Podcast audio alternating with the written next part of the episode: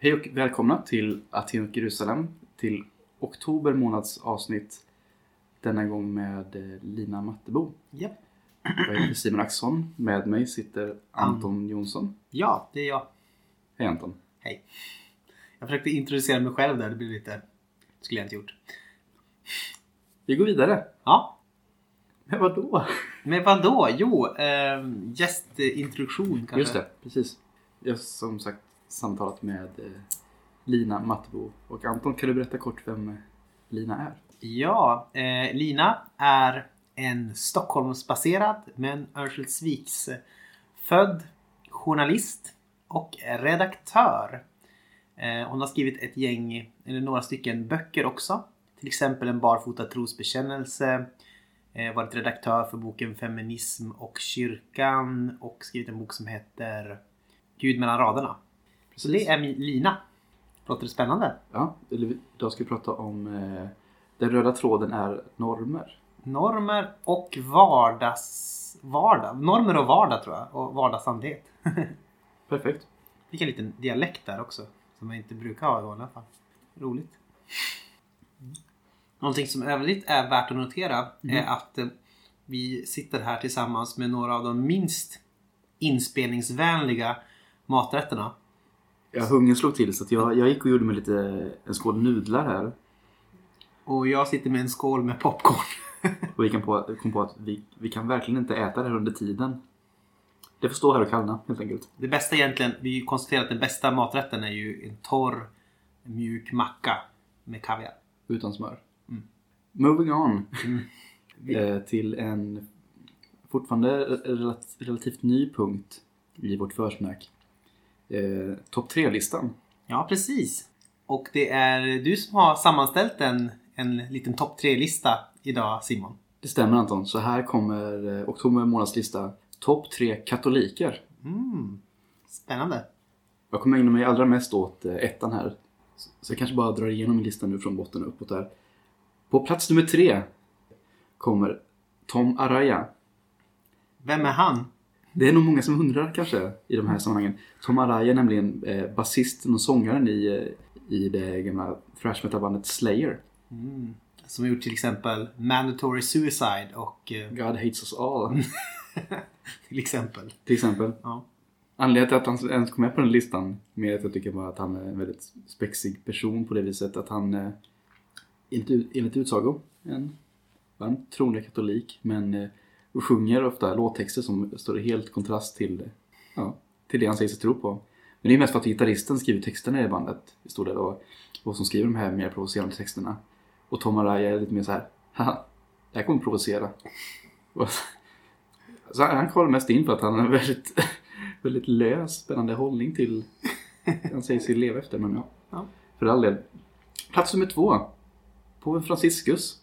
Mm. Kanske given på sån här lista egentligen. Ja, han är väldigt eh, poppis just nu. Oh ja, så mycket i ropet. Mm. Han verkar tydligen göra alla rätt. Mm. Och han hyllas världen över, även de som inte tillhör katolska kyrkan. Och detta trots att de ja, katolska kyrkan fortsätter vara katolska kyrkan. Mm. Han har lyckats med sin framto- fr- framtoning och få folk att tro att det är ett stort skifte som har hänt. Mm. Vilket på många sätt kanske har gjort, men ja, inte på något sätt som folk kanske tänker. Precis. Är det något exempel på varför du... Ja, förlåt, du skulle säga. Nej, ursäkta, vad tänkte du? Eh, och och varför tycker du just du om honom då? Ja, men det är för att han har den här eh, härliga framtoningen och det är väl med, jag fått med mig av honom när han beskriver hur han lever sitt, sitt eh, vanliga liv. Att han, eh, att han har avsagt sig mycket av den här lyxen som ändå liksom finns att tillgå som huvudet av den katolska kyrkan. Mm. Att han fortsatt eh, i mångt och mycket lever enkelt och tror att han har upplåtit något rum också åt hemlösa i Vatikanen det, va? Ja, Det är ju lite häftigt. Det är, Verkligen. kan man ju tänka, det är ju inte alla påvar som gör det. nej, det var inte det. Jag ska erkänna, jag hade tänkt kli, eh, kanske eh, klämma in egentligen en, eh, en teolog här på den listan som jag uppskattar väldigt mycket också, William T. Kavanaugh. Mm. Men det är ju, men jag vet inte. Jag vet inte varför för mig att det bara skulle inte vara lika roligt att ha någon jag faktiskt tänker på och ser upp till i övrigt. Folk kan inte relatera till William T. Kavanaugh som är med i Eh, Avsnitt nummer två. som är ett specialavsnitt, bara fyra minuter. Det Mm. kan man klämma nu. Det hinner alla med. Mm. Alltså det är ju verkligen mättat. Jag gillar verkligen det avsnittet. Faktiskt, jag Alltså, också. eh, Trots att det liksom är ett helt annat avsnitt. Och det är bara fyra minuter långt. Mm. Men det, ja, jag gillar det. Verkligen. Rekommendation om ni vill veta vem Simon pratar om. Jajamän, Gör det. Mm. Och på första plats, topp tre katoliker. Stephen Colbert. En eh, främst känd som, eh, som komiker. Mm. Han har haft program på Comedy Central, The Colbert Report och eh, nu är programledare för det anrika Late Show med Stephen Colbert numera på CBS. Och varför jag alldeles strax ska välja att hylla honom så mycket är ju dels för att jag i egenskap av komedikonnässör så uppskattar jag hans, hans, hans gärning. Han jobbar mest fältet av otroligt initierade skämt och samtal kring aktuella händelser och politik. Och, och parallellt med det har jag också sett prov på att han också är en också en väldigt eh, hängiven och kunnig eh, och intressant eh, katolik. Mm. Så jag kommer spela lite olika ljudklipp nu med Steven i hopp om att eh, övertyga er om hans briljans. det första klippet minns jag inte riktigt vilket, vilket sammanhang det är på. Men... Eh, ja, vi kör. Because if this is going to be a Christian nation that doesn't help the poor, either we've got to pretend that Jesus was just as selfish as we are, or we've got to acknowledge that he commanded us to love the poor and serve the needy without condition, and then admit that we just don't want to do it. Merry Xmas, everybody! Det är bra. Men väldigt bra sammanfattat faktiskt. Väldigt så. Sen en nationalstatsfientlig disclaimer på det här kanske då. Att jag kanske inte nödvändigtvis håller med hans, i Colberts grundantagande att, eller önskan att ens land som i, i hans fall USA då, ska vara en så kallad kristen nation. Om det är liksom nu det han önskar då. Eller vi kanske inte har samma uppfattning om vad liksom det i praktiken innebär då för konsekvenser. Jag ska som sagt bara inte under på att det är möjligt för att det är liksom, tycker jag, trycker in Jesus alldeles, alldeles för lite låda. Men också, men eh, just det att det avslöjar ju hyckleriet i alla fall om man nu säger att man är en kristen nation. Så gör en ganska bra sammanfattning att antagligen inte, eller så måste vi erkänna att vi är syndare i alla fall och inte kristna. Absolut, och det är nog hans främsta poäng med det här. Det händer lite nu och då att han får samtala om sin tro. eh, Så att jag kommer nu spela upp på klipp som eh, visar på just det. So, you know, you you satirize religious extremes so much in your show that a lot of people assume that you're not religious, but of course, you know, you you're a Catholic, you go to church, you're raising your children um, in in the faith. What do you tell them about God? Like, what do you when they, what do you what do you tell them God is? Um, hmm, that's interesting. I don't know if any of them has asked me what God is. I've taught couple years of CCD, Sunday School Catechism, and um, I think the answer that God is love is pretty good for a child because children understand love, and you know, I don't want to get too much more complex than that with a second grader. Yeah, but then there's like the plagues and stuff. Oh well, well, there is the plagues. There is the plagues and stuff. My son, my son asked me one day, "Dad, what's hell?" You know, and I remember thinking, at first I, I, I asked, "Why do you want to know?" Because I wanted to know whether somebody had condemned him to hell. And he goes, "I just he heard the term and he wanted to know what what hell was." And so I I said, "Well, you know, if God is love, then then then hell is the absence of God's love." And you know, can you imagine how great it is to be loved? Can you imagine how great it is to be loved fully, to be loved totally, to be loved, you know, uh, beyond your ability to imagine it, you know, and and imagine if you knew that that was a possibility, and then that was taken from you, and knew that you would never be loved. Well, that's hell. To be alone, and know what you've lost, and that's is the best I could do. Gött. Och väldigt C.S. Lewig eh, C.S. Lewig utläggning om helvetet också tänker jag. Apropå eh, talkshow-host, när han, eh, när han var i det här programmet The Colbert Report så var, då, då spelade han en slags uppskruvad version av sig själv.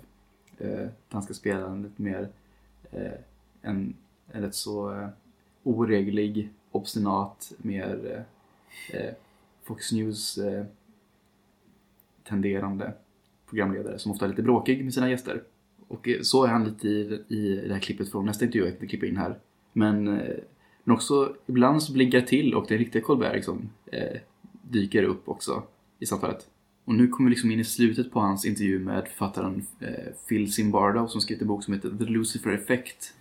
Som i väldigt, väldigt korta drag handlar om, om, eh, om, eh, om Lucifers morfos till Satan och ondska. Och, så nu ska vi se vad, som, vad det tog vägen. God created hell. Paradoxically, it was God who created hell as a place to put Lucifer and the fallen angels. And had he not created hell, then evil would not exist. So he would not have had to send Evil Jesus. exists because of the disobedience of Satan. But the- God gave but the- Satan, the angels, and man free will. Satan used his free will and abused it by not obeying authority. Hell was created by Satan's disobedience to God and his purposeful removal from God's love, which is what hell is removing yourself from God's love. You send yourself to hell, God does not send you there. Obviously, you, le- you learn well in Sunday school. I teach Sunday school, teach mother. Visst är det bra? Jättebra. I teach Sunday school, mother beep. Ja, det, är- jag gillar verkligen när, när det blinkar till så. Och utöver att vara en duktig komiker och att eh, då och då en person som vi, som, är, som vi säger kunna ha väldigt initierade samtal om den katolska tron så eh, har han också ett, ett väldigt starkt intresse för, för tolken i allmänhet och Sagan om ringen i synnerhet. Och det här har ibland visat sig i vissa av hans produktioner också. I, I hear that you you are, were a big Tolkien fan. I am a big I Tolkien the fan. I'm, I'm a big fan. Tolkien fan. You you were not the biggest Tolkien No, fan. I, I was the was. biggest Tolkien fan. was. Oh really? really? Why did Galadriel leave the the blessed realm and come to Middle Earth? Why did Galadriel come over to Middle Earth from Valinor? She, I think, was one of the the people chosen to watch over Middle Earth, along with Gandalf and uh, Elrond. That's an excellent answer. I hate to say it's not true. Why? She is one of the family of Fëanor who crafted the three Silmarils. And when the elves took the blood oath to get the Silmarils back from Morgoth, she came to take the Sil. You got Yeah, you got it of the- partially right. She came to fight Morgoth. but there were- there were she, watchers, she was no, she was one of them. She was one of the ring bearers. Yeah, which which that- which is ring? Which what ring? you're saying. Which ring? Made for the Elven King.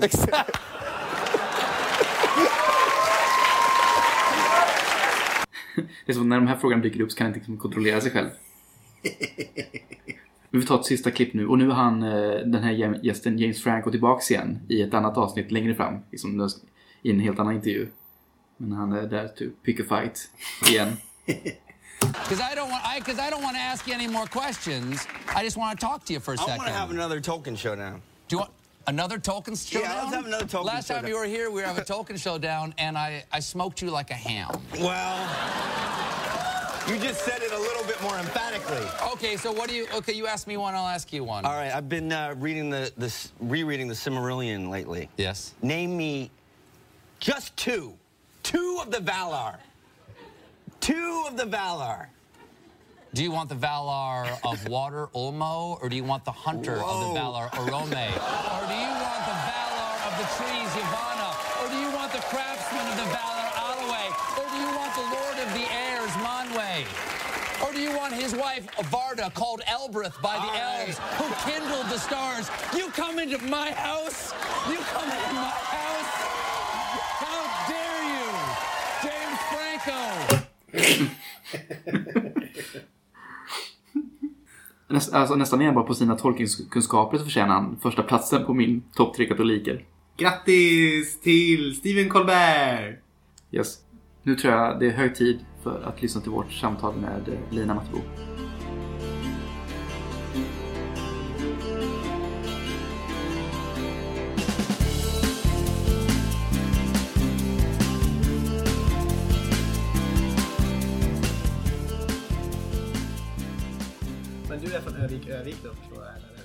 Är från Övik, Övik eller från ja, Ås. Det måste väl ändå räknas som Övik. Övik. Absolut.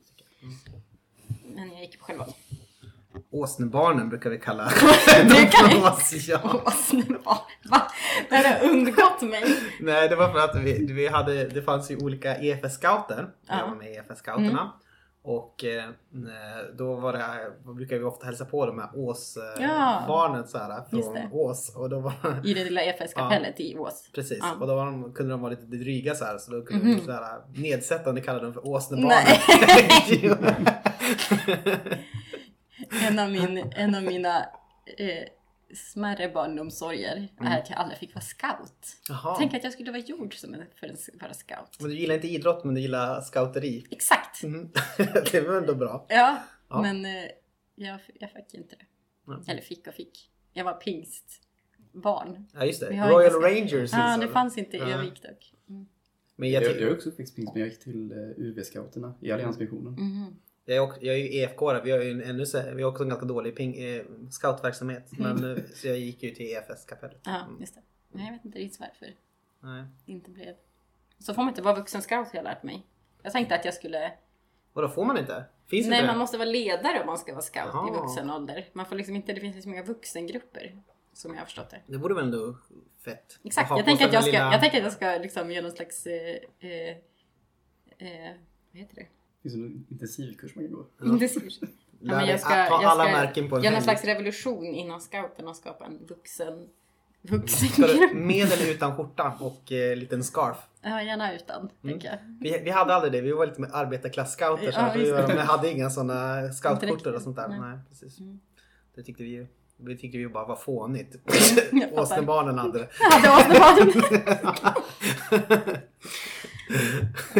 där, där växte jag upp. Ja. I Åsnedalen. Men eh, Lina eh, Mattebo Ja. som nu sitter här bredvid oss, eh, eller mitt emot mig och på sniskan gentemot Simon.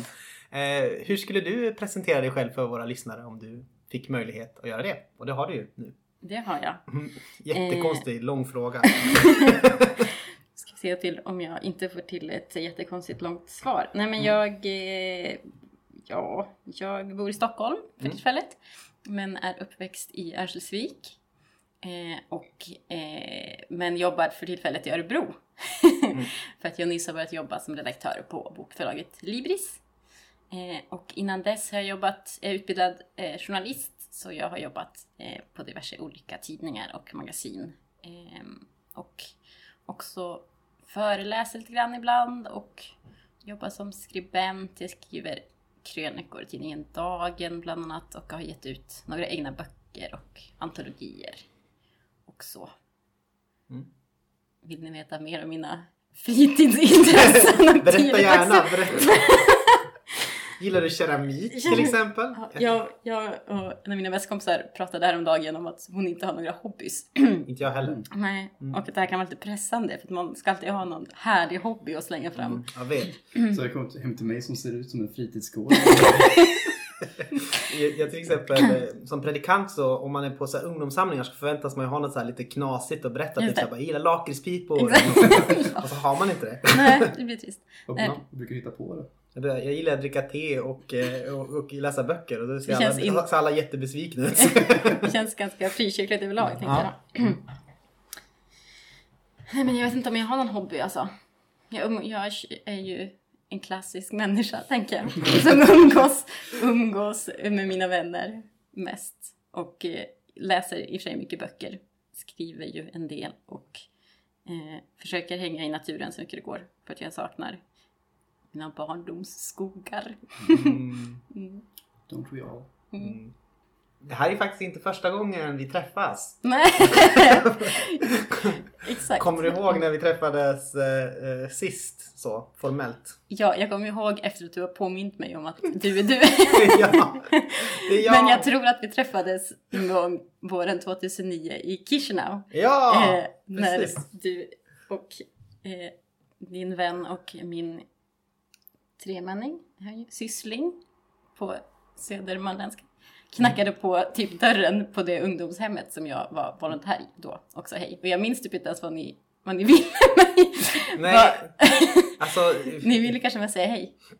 jag tror att poängen var att vi, det var väldigt löst. Det var, du vet, det, när man gick i gymnasiet skulle man göra ett eget projekt Mm. eller så. Och vårt projekt var att, eh, att eh, göra någonting om hur unga har det i Moldavien. Just det. Det var mitt projekt för att jag tyckte att Moldavien verkade roligt. Så Ja. bestämde jag att vi skulle åka dit. Mm. Och först skulle vi göra en dokumentärfilm, väldigt ambitiös, men gjorde vi Mm. inte. Ja. Så då eh, besökte vi eh, dig Mm. och till, till exempel. Fick ni fram något? Det, det löste Det är en annan fråga. vi fick åka utomlands, det var väl det som var ut huvudsaken. Det var cyniskt det lät när jag sa det sådär. Ja. Men vi besökte också Europas största judiska kyrkogård har jag för mig. Oj. Ja, Kanske. kanske. Var det där bredvid där jag var? Nej. Jag tror Det det. fanns en Eh, judisk kyrkogård där i alla fall. Ja. Mm. Du, du sa det, du eh, introducerade det nog som Europas största judiska Ja, kyrkogård. då får jag hoppas att jag inte ljög. Ja. Ja, nej men jag, det var en ganska deppig period när jag var där. Så, så jag minns det mer i någon slags suddig, suddighet. Att Ja. ni var där och på. Men det var ju trevligt. Men jag för, för, kunde nästan förstå det när jag läste lite grann i din bok här, eh, Gud mellan raderna. Mm. Eh, och då refererar du till någon utlandsperiod som Mm. varit så deppig Mm. och att du sen fick komma tillbaka och upptäcka, liksom, inte vet jag, vardagslivet Mm, och precis. glädjen i det. Mm. Exakt, det var när jag var i Moldavien. Mm. Mm. Nej men jag var, jag var inte, alltså, jag var inte jätteung men jag var inte jättegammal heller. Hur gammal, gammal var jag då? 20, 24 Mm. kanske? Eh, men, och jag åkte som eh, volontär eh, med en organisation som heter Erikshjälpen. Eh, och med så här, Sida ungdomsbidrag typ. Och, eh, eh, och ville åka till Moldavien dels för att jag hade i min utbildning på högskolan hade jag läst mycket så om det moderna Europa. Och jag Mm. tyckte att så här, östkontra Västeuropa och så EU och länder utanför EU och de frågorna är väldigt intressanta. Eh, och, så därför ville jag gärna åka någonstans till Europa. Och jag tänkte att jag skulle inte vara där så länge så det skulle vara så lättare att men så stora kulturskillnader tänkte jag så. Men, eh, men dels hade jag inte så här Dels, alla andra fick åka två och två men inte jag. Eh, och jag tror att det var ingen annan som ville åka till Moldavien än jag. Eh, så, så dels var jag ensam där och det var så här. jag bodde liksom på det där eh, barnhemmet, eller ja, ungdomshemmet var det. Det var så här deppigt, jag kom dit i februari och det var verkligen så här. Det var verkligen så här. Så deppigt man kan tänka sig att Östeuropa är i februari. Chisinau är, inte ro, är det inte den roligaste staden. Nej, inte- mycket finare än på våren och sommaren. Alltså, jag har aldrig varit så lycklig över en vår i hela mitt liv. Men eh, det var så här jättekallt och jättegrått och jättetrasigt och så här. Jag kände inte en kotte och folk pratade så här halvdålig engelska typ och det fanns inte så jättemycket för mig att göra vilket ju var bra för att eh, för att jag skulle ju mest vara där och iaktta men så här att så här, sitta ensam på ett rum i någon himla deppig grå och att det var så, alltså det var så himla kallt för att de hade ju inga pengar heller så här, så att så att de hade liksom bara värmen på, på nätterna. Så det var så här svinkallt inomhus och så här jätteensamt. Och så var det så här, det var så här första gången som jag så här, på riktigt liksom upplevde världens orättvisor. Det är en annan sak att läsa om det, men en helt annan sak att så här, umgås fyra månader dygnet runt med barn som har blivit så här, övergivna av sina föräldrar eller så här, blivit sexuellt utnyttjade eller sålda eller liksom, eh, ja, det plingade på det, så här, deras eh, fulla föräldrar på natten och ville liksom skrälsa på och ja, de var, det var bara så allmänt det var, det var inte bara deppigt, men Mm. eh, det, var ganska de, det var ganska deppigt också. Men, eh, men, eh, men eh, jag brukar säga att jag inte ångrar det, men jag skulle inte göra det igen. Nej. Men eh, det är ju, så är det väl för kanske många som gör sådana såna resor, men det är märkligt hur så här, fyra perioder i, eller fyra månader i ens liv i övrigt kan gå ganska eh, obemärkt förbi. Men de där fyra månaderna tänker jag ju fortfarande på liksom, relativt Ja. ofta. Liksom. Så sen, eh, ja, sen har jag återkommit dit några gånger och i lite olika sammanhang. Så. Ja, jag har gjort det ändå.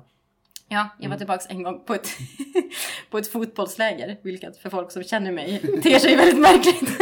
Eftersom jag inte är så intresserad av fotboll och, eller sport överlag. Men eh, jag var där eh, och eh, ja, hängde med kids typ. Sen skrev jag min C-uppsats om Moldavien också. Ja. Vi stannar kvar lite. Jag gillar ju att stanna kvar lite i, i dåtid så. här. Mm. Eh, om vi stannar kvar kring där 2009, 10, Mm. eh, 11 typ. Då var du ju också opinionsskribent på eh, Ikon 1931 och när jag pratade med Simon om om det så sa jag att du var the mouthpiece of a generation. vad, vad menar du med detta? Nej, men jag tänkte att du, äh, man, det är viss sån, en, en röst för en generation Mhm. kanske ändå på, ett, på något sätt. Mm. Och eh, lite, lite formerande på något sätt kanske. Det känns Eh, ju fint och stort. Ja. Jag inte riktigt tänkt på det Jag så. läser ju då när jag var i den åldern som Mm. det riktade sig Mm. mot. Då, Mm. så.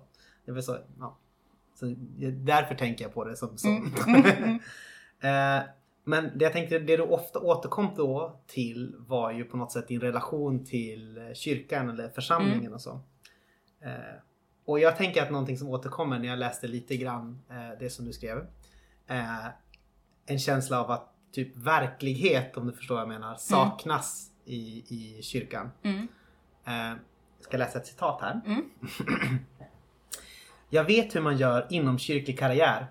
Vilket kroppsspråk, vilka ord och vilka sånger som berör.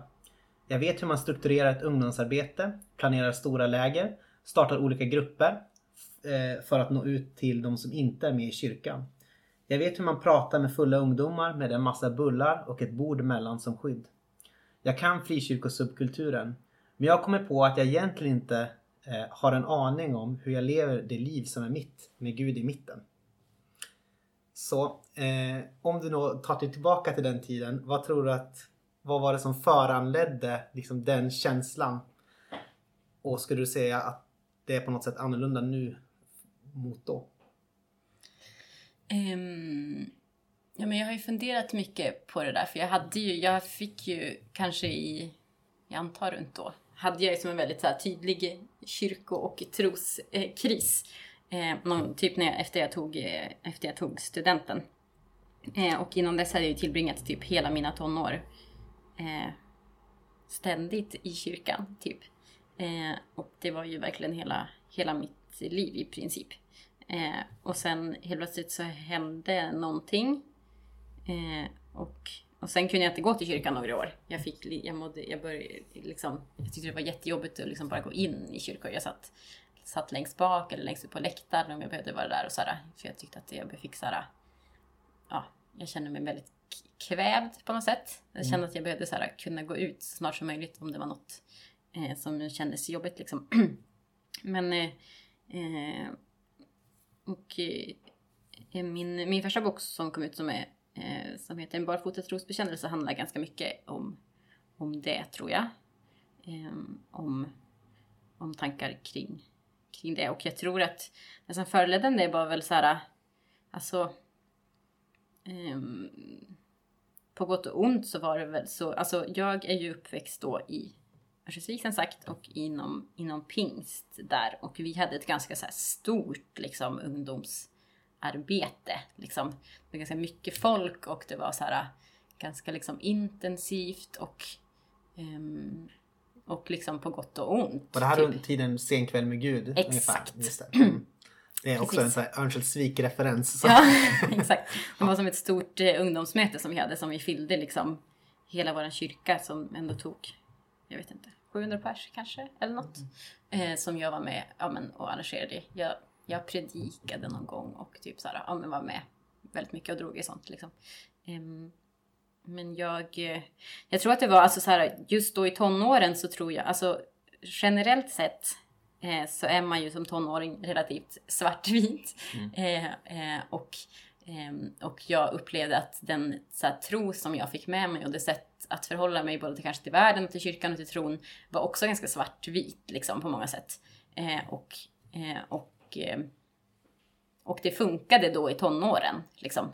Eh, men sen när jag blev äldre och liksom kanske började, ja, men, som man oftast gör, börja så här, vem är jag och så här, vad vill jag och så här, eh, tog tag i dem liksom, i vuxenfrågorna så insåg jag väl mer och mer att så här, äh, livet och världen och tron inte är så svartvit. Liksom. Och allt som jag fått lära mig eh, tycker inte jag kanske längre känns vettigt. Liksom. Men eftersom jag i princip aldrig hade fått lära mig att så här, äh, lära mig att ifrågasätta eller att någon hade sagt till mig så här, äh, eh, det kanske kommer troskriser eller så här, det här och det här kanske kan hända, vilket ju om man läser ganska mycket så här, liksom allmän teologi eller liksom kyrkofäder eller liksom eh, någon slags vuxen allmänt vuxna trosberättelser så är det ett ganska återkommande tema om så här, tro i krisen. Men vi, det var liksom inte riktigt, vi pratade liksom inte om det på det viset. Det var snarare väldigt liksom, andligt. Liksom. Man kan kämpa bort det mesta med bön. Typ. Ehm, och därför kände jag väl så här att och, och, där, och därför var det så här, eftersom jag inte hade lärt mig att man, att man kanske kan tycka olika saker om olika saker, olika om olika saker och att man kan ifrågasätta saker och, ehm, och att det inte är så farligt att göra det liksom. Ehm, utan att det kanske till och med är nödvändigt och nyttigt så, så vart det som att allting föll. När jag började ifrågasätta en viss del så, behöv, så föll allt liksom för Mm. att Ehm, för att, ja, eftersom allt hängde ihop och jag inte hade fått lära mig det så, så behövde jag liksom bygga upp allt igen på nytt liksom. Och sen var det väl på ett vis en så här äh, ganska stängd miljö liksom och, ehm, och allting som var, inte bara liksom i pingstövet utan också så här äh, kanske i den kyrkliga världen jag rörde mig i brett liksom. De nyårskonferenser jag var på så här, ehm, och andra konferenser så här, kanske inte var som jag skulle benämna nu alltid särskilt sunt liksom vad vi fick lära oss och eh, Ja, så någon slags, och, och så, så, så jag kände så här att jag inte, jag fick liksom, jag fick inte plats liksom. Så här, jag kände väl som att jag, jag visste inte vem jag var längre, jag visste inte vem Gud var längre, jag visste liksom inte, eh, och allt, allt som hade varit mitt allt kunde jag liksom inte stå för längre eller tro på längre eller liksom, och då var det en sån himla kris liksom, för att jag fick lov att liksom, ja men som sagt, börja om på nytt igen, typ. Först, gör det någon för, Förstår ni någonting vad jag, vad jag säger? Men absolut, det tycker jag. Mm. Eh, Tänk att det är en Så- ganska vanlig historia just den här. med ja men exakt. Att allting är byggt som ett korthus och så om Ja. ett kort faller så faller allt. Så Exakt. Mm. Lite så var det väl. Och sen... ehm, men det var också ganska mycket så här... Eh, vem är jag när jag inte längre är den personen som är superengagerad i kyrkan? Liksom, och frågar folk efter mig då? Eller så här, är jag värd någon, någonting utan att vara den här? Och vem är jag då? Liksom? Och så här, ja, mycket sådana frågor. Och så här, jag kände, och jag, jag, nu, nu tror jag att jag har kommit över det. Men ganska länge, liksom, ända bara tills för några år sedan så, så ehm, kämpade jag jättemycket med att så här, den tro som jag hittade i vuxen ålder ehm, var mycket sämre än den tro som jag hade som Mm. tonåring. Liksom, för, att, för att den tro som jag har nu och till viss, till viss och som jag tänker kring vissa frågor var ju sätt som vi liksom i princip hånade och skrattade åt som tonåringar. Liksom. Ehm, det, det finns till exempel en psalm som, heter, som är så här, jag skulle vilja våga tro, går den, som jag tycker nu är väldigt fin liksom och, så här, och, som, och som sätter ord på ganska mycket så här, ibland så här, så är det enda man kan luta sig tillbaka på att man så vill någonting. Så jag, skulle, alltså, jag vill verkligen våga tro på det här och så här, oavsett om det handlar om Gud eller relationer eller vad sjutton det är för någonting. Så här, men då var det så här troslösa människor som inte så här, jag skulle vilja våga tro. att vi är så här, och, det är så här, och om man är uppväxt liksom med det och sen inser man så här, jag är den som jag har liksom hånat i hela min uppväxt, inte, inte hela men så här, som ändå fanns en så här, sån syn på så blir det ganska så här så blir det så ganska komplicerat att se på sig själv igen och sin tro som något som är okej liksom. Eh, så det tog ganska lång tid för mig att ändå så här återerövra och tänka att så här, min tro som jag har nu är lika bra som den jag hade då eller kanske till och med bättre Mm. på många sätt. Liksom. Så det fanns ganska mycket så skam kring saker och ting också, kring den jag hade blivit. Liksom, så, här. Ehm, så. Så din första fråga, fråga var, vad, hade, vad åsta... Vad- vad kom- föranledde den frågan Vad föranledde, exakt. Och sen Ja. så var det en till fråga. Eh, är det annorlunda på något sätt nu? Menar du annorlunda i hur jag är i mitt kyrkliga sammanhang eller menar du annorlunda i, liksom i frikyrkan överlag? Hur Jag tänker nog ungdomar har det? i, i, ditt, eh, i ditt eh, liv eller i ditt... eh, Jo, Mm. men det tycker jag. Alltså jag, nu, jag har ju hittat en församling Mm. som jag känner mig hemma i liksom. Mm. Eh, och, eh, och som har liksom, om man ska använda något slags kyrkligt ord kanske, jag känner att jag kanske bli, blivit hel i på Mm. många sätt. Liksom. Vilket är så här, ett av mitt livs största eh, under känns det. Inte så här, men en av de finaste sakerna jag har. Liksom. Ehm, för att jag jag, trodde, jag trodde inte att jag skulle hitta en kyrka liksom igen. Där jag kände att hela jag fick plats och där liksom eh, jag kunde hitta naturliga sätt att uttrycka min tro på. Det jag kände att jag fick, fick vara med liksom. Vilket låter kanske töntigt för att så, så himla annorlunda än andra var jag liksom inte. Men jag, Mm. men jag längtade nog mycket efter att här, ha ett sånt sammanhang. Men jag, men jag hittade liksom inget sånt på ganska många år. Eh, Men sen så, sen så hamnade jag på en gudstjänst i Stockholm efter ett tag när jag hade bott där. Eh, Och gick dit. Kom när det hade börjat. Satt typ längst bak. Gick när det precis slutade. Och satt där några gånger. Eh, Och sen eh, vid en gudstjänst så minns jag att jag kände så här. Jag bara men här känner jag mig hemma så här. Jag kan vara här och jag känner att jag känner mig hemma där. Och det var så här, eh, det var väldigt stort för mig. Och, och nu känner jag, och sen har jag så här, sen har jag liksom engagerat mig mer och mer och liksom känt mig för mer och mer tror jag. Och nu skulle jag nog säga att jag är väldigt, väldigt kyrkoaktiv. Eh, Kyrksam. väldigt kyrksam, exakt.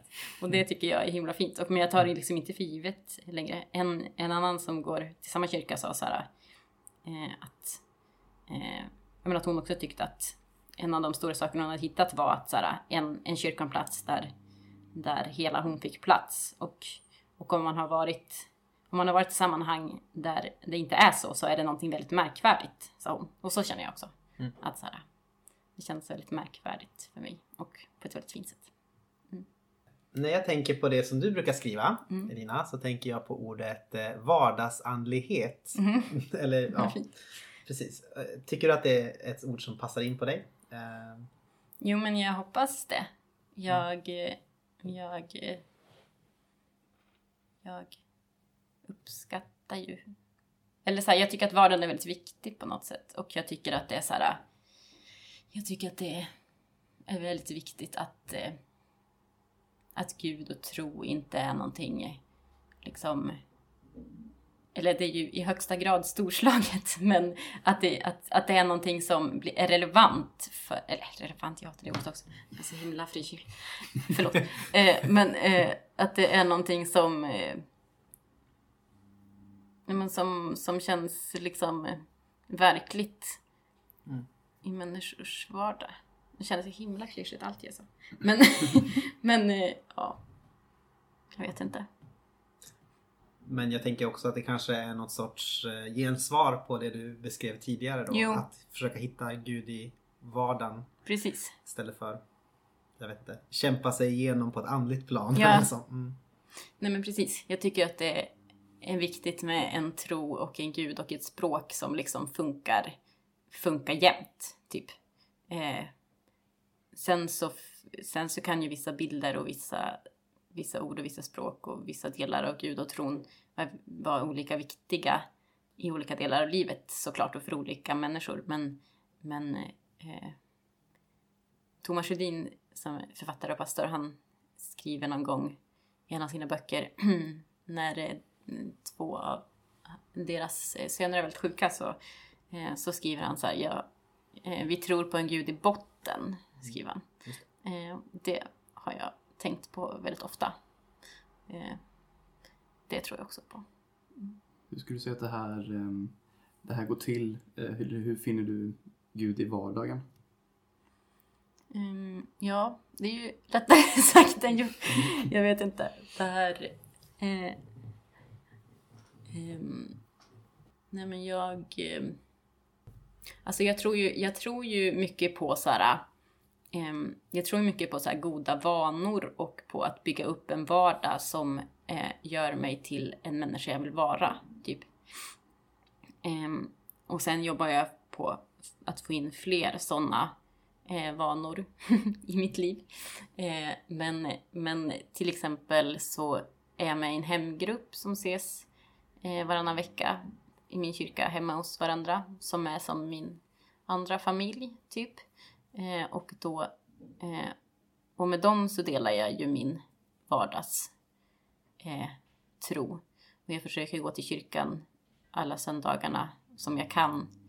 Ehm, och jag, jag tror liksom att det, det skapar någonting också i att göra saker. Liksom. Att ta sig hem till någon fast det är långt i Stockholm och man är trött efter jobbet. Att, så här, men att sitta där och äta soppa tillsammans och Eh, och prata om frågor kring tro och be tillsammans. Liksom. Och att åka till kyrkan och att ta nattvard och böja knä och göra det söndag efter söndag. Liksom. Um, um, och att liksom eh, tacka Gud för maten och tacka Gud för dagen som har gått. Eh, och ehm, be små böner här och där. Sen önskar jag att jag vore bättre på något mer så här, eh, regelbunden personlig andaktsliv typ. Det är nästa vana jag ska, ska försöka få in. Eh, ja. Typ Vilket- så. Också liksom pra, prata liksom om prata om existentiella frågor liksom och eh, och också så här, var också in, inte bara så här prata utan också så här göra. Så här, vad gör jag av mina pengar? Vad gör jag av min tid? Så här, eh, jag vet inte om det är oförandliga saker eller att bara vardagliga saker. Men, men jag förs försöker tänka mycket på så här. Ja, men, vad gör jag av mina pengar? Hur, hur, behandlar jag mina, hur behandlar jag mina medmänniskor? Vilka umgås jag med? Eh, hur mycket jobbar jag? Jag försöker inte jobba heltid för jag försöker ha jobb. Jag försöker ha tid för mina eh, relationer omkring mig istället. Eller mer tid för det. Sen gör jag verkligen massa saker också som jag önskar att jag inte gjorde. men, jag försöker, men jag försöker så här, eh, jag försöker skapa någon slags struktur i mitt liv som gör att jag eh, mer och mer blir en människa och lever ett liv som jag vill leva och som jag tror att är något slags, slags i alla fall, kristet liv. Liksom. Ja, typ så kanske. I den här lilla boken eh, Gud mellan raderna Mm. eh, så beskriver du att du får till uppgift att eh, sitta tyst i 15 minuter. Mm. Och att du nästan får panik över den uppgiften. Mm. Det är ju tänkt som en sorts andaktsövning då, Mm. förstår jag det som. Vad tänker du alltså, vad är det som är svårt med, med tystnad och att vänta på Gud? Um, ja, men det är också en sak som jag uppskattar i kanske mitt nya kyrkliga sammanhang, eller kyrkliga sammanhang i plural. Eh, att, eh, att jag har liksom varit, fått upptäcka mer av just så här, typ retreatliv och sådana andliga övningar eh, eh, som har liksom mer med tystnad och reflektion och göra och så. Ehm, och i min kyrka brukar vi ha varje år tror jag det är, eller varje termin, varje år, eh, en, eh, en tyst retreat i kyrkan också. Eh, och eh, det har gett mig jättemycket för att ehm, och, och, och det är nästan svårare när det är sådär en kvart tycker jag. Mm. För, att, för, att, för att speciellt jag lever ändå någon slags halvhetsigt liv. Eh, för att jag bor i Stockholm och jag är ändå engagerad i ganska mycket saker och jag eh, vill typ hinna läsa mycket saker, jag vill hinna lyssna på mycket poddar och jag vill hinna så här, hänga med, eh, ha koll på mina relationer och, ehm, och så. Och, eh, så det är ganska mycket så här ljud runt omkring hela tiden. Eh, men så när jag är på sån där retreat så är det som att jag, de första timmarna går typ till att bara så här, ah, hitta någon slags, att så här, ah, rensa bort alla tankar som så här, pluppar upp hela tiden. Eh, jag tror ju också, eller det finns ju forskning som visar det också, att, så här, eh, att vi ju blir mer vana och vana vid att så här, det så här, pluppar upp saker hela tiden för att vi är vana att hela tiden kunna kolla saker på våra mobiler. Det kommer upp massa så här, nu plingar det här, nu plingar det här, nu plingar det där och vi är alltid vana så här. Nu kommer den här tanken, nu kan jag kolla upp den, nu kommer den här tanken. Alltså vi blir sämre och sämre på att djupdyka ner Mm. i saker liksom. Eh, och så när man är på en sån där retreat så, så här, pluppar upp massa miljarder saker. Eh, och sen så efter några timmar så har alla de där sakerna pluppat bort typ och man hittar någon slags annan eh, rytm och förhoppningsvis röst inombords liksom. Både sin egen och Guds förhoppningsvis. Men det, och det kan ju både vara skönt och jobbigt. Man kan ju, man kan ju upptäcka eh, bra saker men det är också ett himla bra sätt att, att döva sig själv genom att så här, ständigt vara eh, ständigt vara på gång och ständigt ha saker på gång och eh, ständigt lyssna på saker eh, och så. och det är ju inte alltid... eh, Det är ju ganska lätt att bara springa och springa eh, istället för att sätta sig ner och lyssna istället. För att man kanske är rädd för man, vad man ska höra. Liksom. Och att man då behöver göra någonting åt det där. Man kanske egentligen vet vad som sägs där inne inuti ändå. Eh, men så det är väl det som är jobbigt, att dels så här, bryta saker som i ens vardag hela tiden pickar på, att man är van att hela tiden agera på de sakerna. Eh, och sen när man sitter där så ska man istället försöka tänka bort alla de där sakerna och komma in i någon slags annan rytm liksom. Eh, och, och det blir ju som ett tvärstopp som kanske är jobbigt. För i en sån här retreat så kommer man in i det efter ett tag och då kommer man in i, på det på ett skönt sätt liksom. Eh, Och sen också det här att man ehm, eh, att det är ganska, att det är ett effektivt sätt att, att liksom döva sig själv och Guds röst genom att bara köra på. Liksom. Tänker jag. Klarar du av 15 minuter nu då? Utan, tim, utan några timmar eh, uppvärmning? Jo men det gör jag nog. Alltså jag gör det mer, eh, fast jag gör det, vad säger man, mer sällan, mer för få gånger än, än, jag, än jag skulle vilja och eh, borde göra liksom. Eh, men eh, jo men det gör jag, alltså det är klart man, det är klart man klarar 15 minuter om man vill. Liksom. Ja. Jag vet inte det. inte jag. Nej. Ja. Ska vi växla över till feminism?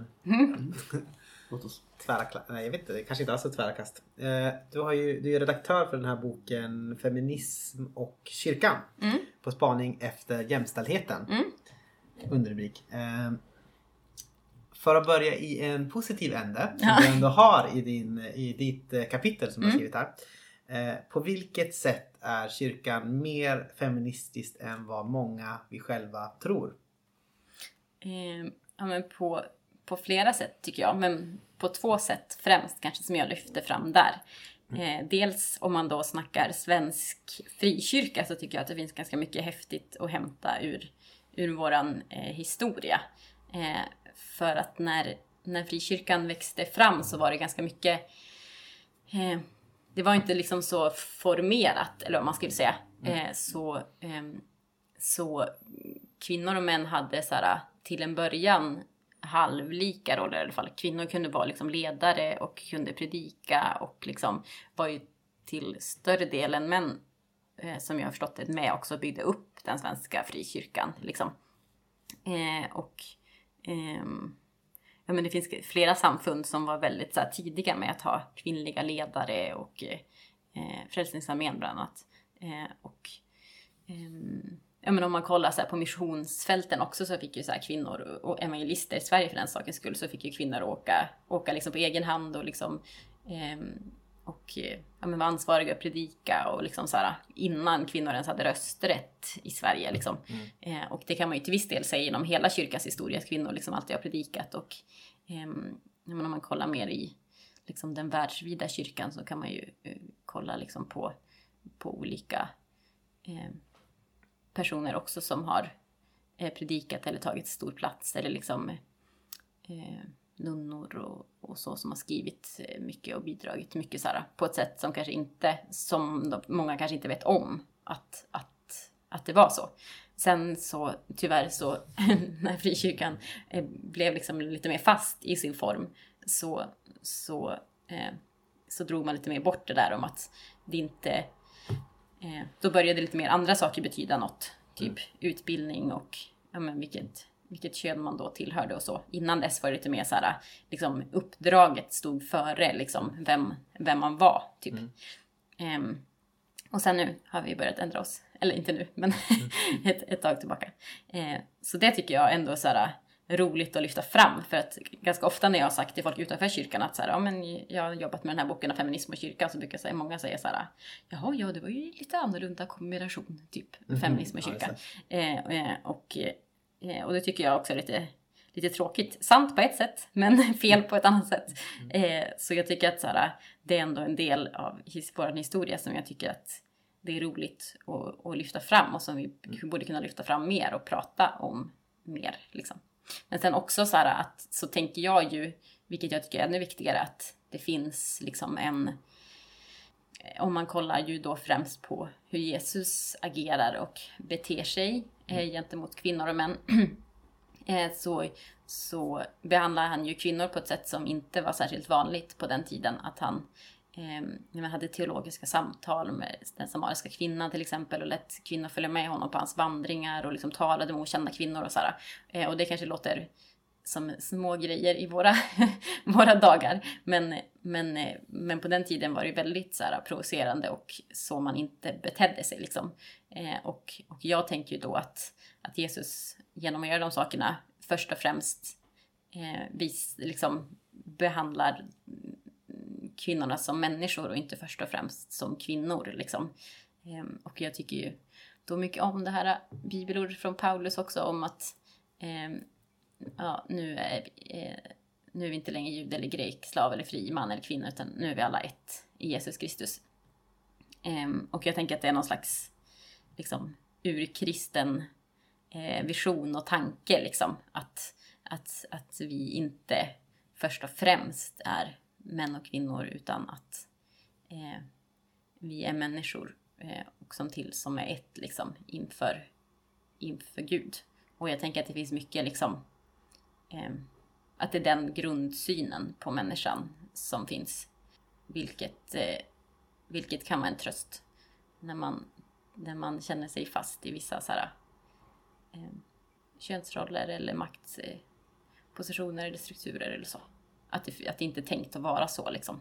Mm. Utan att det ska vara, det finns något annat som är tänkt. Jag tänkte på det också att eh, apropå din lilla historiska exposé där. Mm. Att eh, eh, alltså kanske i frikyrkan framförallt har man varit bättre på att göra rätt saker än att formulera eh, skrifter Mm. som, rätt, eller som förklarar varför man gör rätt saker. Precis. Så till exempel har man röst, rösträtt för kvinnorna i församlingar långt innan det finns i, liksom, Mm. ute i samhället i stort. Och så. Och jag vet inte, det kan jag tycka är intressant. Jag hörde, jag hade någon som, som hade varit på typ eh, en bekant som hade varit på Vänsterpartiets eh, så här, ungdomsförbunds eh, kanske Mm. det kallas. Och hon tyckte att det var en sån extremt eh, patriarkal miljö Mm. fast man har liksom rätt idéer om saker. Fast man gör inte Nej. kanske rätt saker när man är i de sociala sammanhangen och så. Ja. Jag försöker tänka tillbaka på min egen uppväxt också, Ja. hur jag upplevde det då. För att, för att, eh, för att jag skrev bland annat den här boken för att, eh, eh, för att jag tycker att det pratas väldigt sällan om feminism och jämställdhet inom kyrkan. Och när jag växte upp pratade vi aldrig, alltså jag kan inte komma på, jag kan inte komma på en enda gång som vi liksom benämnde det liksom. Ehm, utan allt som jag lärde mig liksom om, om feminism och jämställdhet och genusteorier så lärde jag mig liksom utanför kyrkan. Och jag upplevde då att det blev ett väldigt stort liksom, glapp i min, i min verklighet. Liksom. Eh, att, att liksom, det här betyder väldigt mycket för mig och har förklarat mycket för mig av så hur jag känner och hur jag upplever världen. Eh, och har liksom gett mig liksom, teorier och förklaringar till, eh, till saker som har varit svåra. Liksom. Men, men hur ska jag koppla ihop det här med, med livet i kyrkan? Liksom? Ingen pratar om det där. Och, och också att i vår generation bland ganska många är det ganska så självklart att tänka kring så här, jämställdhetsfrågor och att det, eh, det är någonting som vi lärs, lärs upp med. Liksom. Men det är helt tyst om det inom kyrkan och, eh, och det skapar det skapar liksom en frustration för många att så här, men hallå, vi måste liksom prata om det även här liksom. Eh, och, eh, så därför vill jag ju, så det är en av anledningarna till att jag ville skriva den här boken, att det pratas så sällan om det. Men när jag tänkte tillbaks då på liksom min uppväxt, vi pratade ju liksom ingenting om det. Och på ett sätt var det ju som ett patriarkalt sammanhang. Det var liksom, i min församling fick Eh, det ändrades under min livstid, under min livstid i kyrkan, att, att kvinnor fick bli, som det då heter inom pingst, i alla fall det jag uppväxt, eh, äldste bröder. Eh, för då var det bara män som fick vara det, alltså de som leder liksom, eh, församlingen, de som leder församlingen helt enkelt. Och vi hade i princip bara manliga pastorer liksom. Och när vi hade, jag minns att vi hade besök av en kvinnlig pastor från eh, som inte var från Sverige. Och hon liksom pratade väldigt mycket vill jag minnas om att hon liksom eh, rättfärdiga, rättfärdigade sin egen liksom tjänst som, Aha. som pastor genom att prata jättemycket om att Gud ju lät en åsna eh, prata liksom, hans ord och att så här, då borde också jag få stå här. Och jag tänkte så här, efterhand, så här, vad gör det liksom med en 15-årig tjej att så här, någon som man ser upp till och står på scenen och pratar så här. Återkommer, jäm, återkommer så det är liksom flera gånger regelbundet med att jämföra sig med en åsna. Och om Gud kan låta en åsna prata så kan han låta mig prata. Liksom. Eh, och, sån, och sådana saker. Så på ett vis var det ju så här, liksom, led, man fick bara vara man om man skulle leda. Det var i princip bara män som var pastorer och de kvinnor som pratade sa sådana saker då till exempel. Samtidigt så har jag liksom inget minne av att jag själv kände mig särskilt liksom begränsad i att ta för mig liksom. För jag som sagt, alltså så här, jag var från att jag var 13 så anordnade jag så här skitstora resor. Så här, att folk bara, det här kan du ju göra, varsågod. Mm. Typ. Och så här, du kan predika, du är jättebra på det liksom. Och så här, du kan, vilket jag inte alls vet om jag är. Det skulle jag inte säga nu, men jag fick i alla fall möjligheten att så här, men du vet, så här, vara ledare liksom från att jag liksom knappt vågade ringa ett samtal liksom, så trodde folk på mig och liksom, jag, fick, jag fick ju verkligen ta plats liksom, och det var ingen Mm. som ifrågasatte oss för att vi körde på liksom, och, Nej. och drev saker och liksom så här, eh, snarare tvärtom så fick vi väldigt mycket liksom, pepp och upp- uppmuntran för det liksom.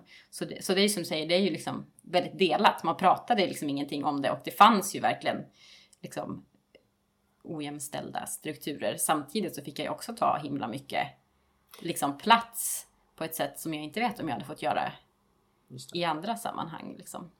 Men jag tänker också kanske att det är lite dubbel-edgat, eh, vad heter det? Dubbel... Eggat, heter det så? Tveeggat. Eggat. Tveeggat. Mm. Tveeggat. Jag amerikaniserade det i mitt huvud. Eh, Men hur som helst. Jag tänker att det är ju lite dubbelt där. Så att man på något sätt när man eh, gör saker, eh, då kanske från början i frikyrkans historia, då gör man saker som är lite så eh, lite omvälvande kanske Mm. och så. Men när man börjar formulera sig kring det då blir det eh, då kanske det blir lite fel igen åt, Mm. åt andra hållet. Mm. Eh, Så jag vet, jag vet inte vad jag vill ha sagt med det men jag tänkte nog att man behöver ju båda de här delarna. Att man kan liksom formulera sig teoretiskt om någonting och att man gör bra saker. Precis. och om man inte har den ena så kanske det kommer slå tillbaka så småningom. Ja, för det är, ju, det är ju generellt sett så tänker jag att om man, att så här, om man inte pratar om någonting, speciellt när det handlar liksom om, om Mm. makt, så kommer det ju inte att hända någonting. Alltså så här, om man bara låter saker och ting fortsätta som det alltid har gjort så kommer det ju högst troligt inte att ske någon förändring. Liksom.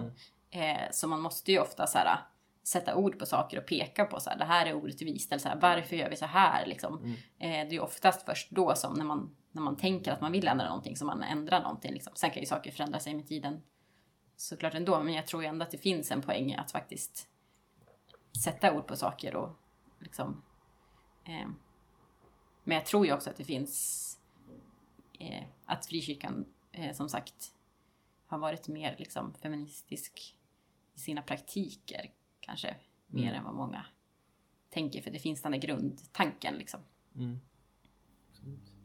Jag tänkte bara, eh, om vi tänker på den här boken då som Mm. helhet. Eh, eller nej, inte som helhet tänkte jag. Nej. Ja, ni får klippa lite här. Är det någon speciell Är det någon speciellt kapitel som du särskilt vill lyfta fram i den här som du tycker eh, är särskilt intressant? Kanske. Eller kanske är lite taskigt att ställa det för då ställer man alla andra författare i skuggan så men ja. Men det kanske ändå är någonting som du personligen vill lyfta fram som Eh, intressant. Eh, jo, men jag tycker ju att alla är intressanta, annars skulle jag inte ha tagit med dem. Och jag tycker att det är extra kul också, det är ju tio personer som skriver, sen är det också två illustratörer som är med. Eh, och de vill jag också lyfta fram för att de eh, t- verkligen tillför någonting, tycker jag. Ehm, eh, men sen så... ehm, jo, men ett, ett kapitel som jag tycker är väldigt så här... eh, ganska så här basic men väldigt eh, på, ett, på ett väldigt bra sätt. Eh, eh, eh, Bosse Parbrings kapitel. Och det handlar ganska mycket om det som jag pratade om nyss. Att så här, eh, när ingen, när ingen, vad den kallar det, när ingen, vad heter det, när ingen leder styr normerna typ. När ingen, det är Eh, kapitel när ordet två. är fritt när ordet är, männen. Mm. Ja, när ordet är fritt talar männen. Och eh, för att och då hänvisar han till en eh, till så här årskonferenser och när han gjorde de han var med och gjorde en så här jämställdhetsspaning. Eh, eh, så att så här, när, när folk hade tänkt till innan på gudstjänster typ, så var det ganska jämställt med så här, vilka som fick plats på scenen och vilka som fick prata, som pratade om vad. Ursäkta. Ja, fort, Ska jag börja om? Nej, det fortsätt. eh, eh, jo men när, eh, när, eh, när folk hade tänkt till typ kring gudstjänsterna Mm. eh, så, eh, så var det ganska, ganska jämställt. Men, men när liksom talar, eh, talarstolen var fri liksom, eh, så talade främst männen och då, de talade mer och eh, längre och också om vissa ämnen mer liksom. Och då menar han då att, lite som, ja, det som jag sa nyss, att eh, eh, när ordet är fritt så talar männen. Eller så här, när, när, man inte gör, när man inte anstränger sig så kommer liksom de rådande normerna att, eh, att, att styra. Liksom. Och så har han väldigt ganska konkreta tips på hur man, hur man kan tänka kring sådana saker och, och varför det är viktigt eh, att, att tänka kring, eh, kring det. Och han eh, pratar mycket om liksom hur man så här, kanske kan jobba på ny, med nya former när man tänker rent här demokrati typ i frikyrkan. Att Mm. det handlar liksom kanske inte bara om att få eh, att kvinnor och män ska få lika mycket plats utan kanske också att eh, blyga unga killar ska få möjlighet att påverka eller så här, eh, äldre damer som inte tror att de har så mycket att komma med liksom. Ehm, Klassiker. Precis. Eh, så när man, när man pratar liksom om, om feminism så tänker jag att det är viktigt att tänka in eh, olika slags liksom, maktstrukturer också. Typ etnicitet och ålder och eh, mycket sånt också. Sen tycker jag jättemycket om eh, min vän också, Johanna Gustafssons kapitel. Jag tänkte just som- på det. Jag gillar det väldigt mycket också. Mm, vad kul. ja. Hon är litteraturvetare eh, och har skrivit eh, ett kapitel eh, eh, om Hagar. Och det hakar på ett annat kapitel som handlar mer om så här, Bibeln generellt, hur man kan tänka kring svåra bibelord och sådär. Eh, men då, eh, hon, hon skriver om att så här, eh, Bibeln generellt sett är ju skriven eh, av män eh, för män om män. eh, och att så här, det kan ju ganska lätt uppstå någon slags så här, främlingskap inför Bibeln. Eh, det, eh, som kvinna liksom. Och, och, och en del av, när man, om man pratar liksom mer om feministiska teorier så säger man ju att mannen är norm, det vill säga det som anses vara det, det normala liksom. Man pratar typ om musiker och kvinnliga musiker och fotbollsspel, fotbollslag och kvinnliga fotbollslag och så vidare. Eh, och kanske också då i, i, att, att som kvinna lär man, oftast, lär man sig ofta att identifiera sig med män. Bland annat i Bibeln så är jag van att när folk säger bröder så handlar det även om mig. Typ. Eh, och när man pratar om eh, Mose så kan även jag tänka mig in i vad den berättelsen har med mig att säga. Liksom. Medan att män generellt sett inte är lika bra på att identifiera sig eh, med kvinnor. Liksom. Eh, eh, så det, självklart kan man ta åt sig bibelberättelser även om det, även om, eh, det inte handlar om kvinnor. Men det kan fortfarande bli liksom, hon skriver typ att eh, eh, det är liksom en, att bibelberättelserna är en rik, rik berättelse av att, hur det är att vara människa. Men kanske främst av hur det är att vara man. Eh, men sen så, sen så säger hon att, att den som studerar liksom bibelberättelserna närmare och lite djupare kan hitta, kan hitta andra berättelser som rör sig eh, där under. Hon skriver det mycket snyggare än jag återberättar. Men och sen så skriver hon en jättefin, Eh, ett jättefint kapitel om Hagar. Där hon eh, lyfter upp den berättelsen och liksom fördjupar den och sätter in den i ett sammanhang och så här, hur viktig den är för hela Jesus liksom, berättelsen. Och, så. och hon skriver också väldigt eh, vackert tycker jag. Eh, så den tycker jag också jättemycket om. Eh, för att det också ger så hopp om den där grund, grund eh, jag tänker som någon slags underjordisk ström som finns under allting och sen har vi byggt på massa saker ovan, ovan, ovanpå allt det liksom. Men Mm. där under finns någon slags syn på människan och livet som liksom är den ursprungliga tanken. Eh, och gräver man tillräckligt djupt så kan man få fram lite sådana där eh, berättelser. Absolut. Ehm, när vi ändå ska prata om normer och sånt där. Mm. Eh, tidigare så jobbade du också på Ungdomens nykterhetsförbunds tidning Motdrag om jag Ja. har gjort min research eh, rätt. Och då kan man ju fundera på det här med alkoholnorm. Mm. Eh, tycker du att det är någonting som kyrkan borde utmana? Eller tycker du att det är viktigare att man utmanar tabut kring alkohol i vissa kyrkor? Ehm, ja, men jag har nog tänkt, eh, jag har nog tänkt båda liksom.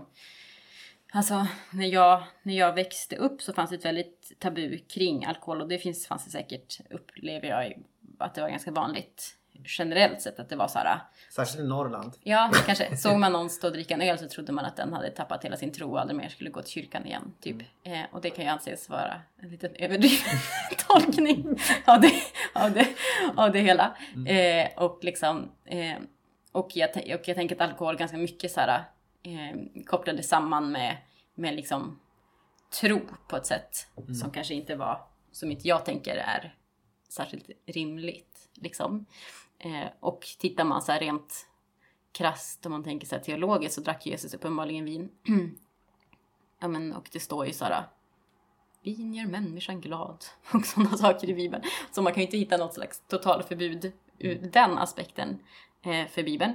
Men jag upplever snarare att, att eh, de senare åren så har det liksom typ slagit över i det klassiska andra diket liksom. Ja. Jag, jag lyssnade på eh, podcasten Värvet. Där de Ja, intervjuade eh, min eh, favorit, tänkte säga, Jonathan Johansson som jag lyssnar mycket på som musiker.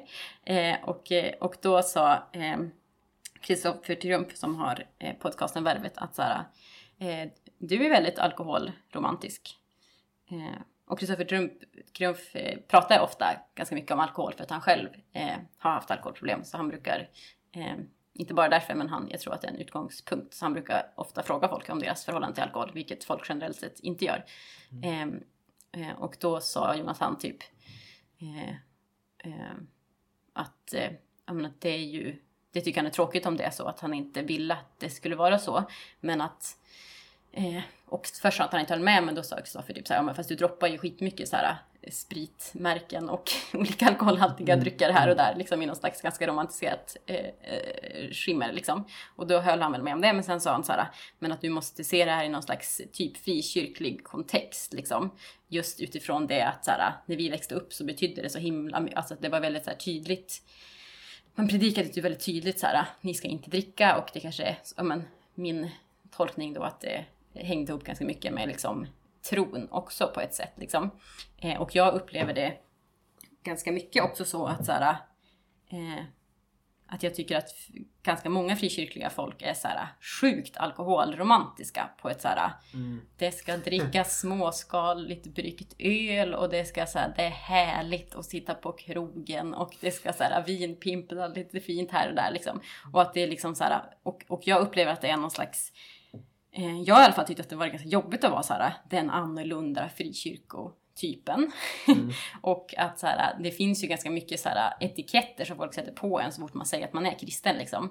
Bland annat då att man inte dricker alkohol eller snarare kanske att man är en trist, tråkig typ som inte kan släppa loss liksom. Eh, och som är jättepräktig och ehm, eh, ja, men som är trist och tråkig liksom.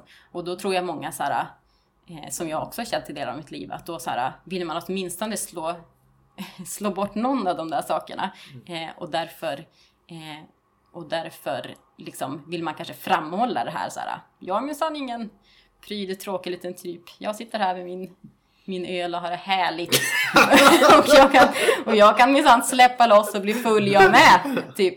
Eh, men, men vilket jag tycker är så här, på ett vis kanske förståeligt fast också blir det väldigt märkligt liksom kan jag känna. Och, och det blir liksom, jag upplever att man kanske knappt kan prata om det tycker jag för att folk blir så här, blir lite så här stött, eller det blir liksom så här, för att man har växt upp med det på ett sätt och man vet kanske så här anledningarna varför. Liksom, fri, Mm. Frikyrkorörelsen växte upp, eller växte, upp, växte fram jättemycket liksom, vid sidan av ju nykterhetsrörelsen. Liksom. Mm. Och det fanns ju också så här en anledning till att eh, frikyrkan liksom tog, eh, tog avstånd från mycket alkohol för att jättemånga hade problem med alkohol. Liksom, och, eh, eh och det fanns liksom folk i, i liksom församlingarna på ett annat- annat sätt som var liksom öppet hade varit missbrukare liksom och, eh, eh, och så vidare.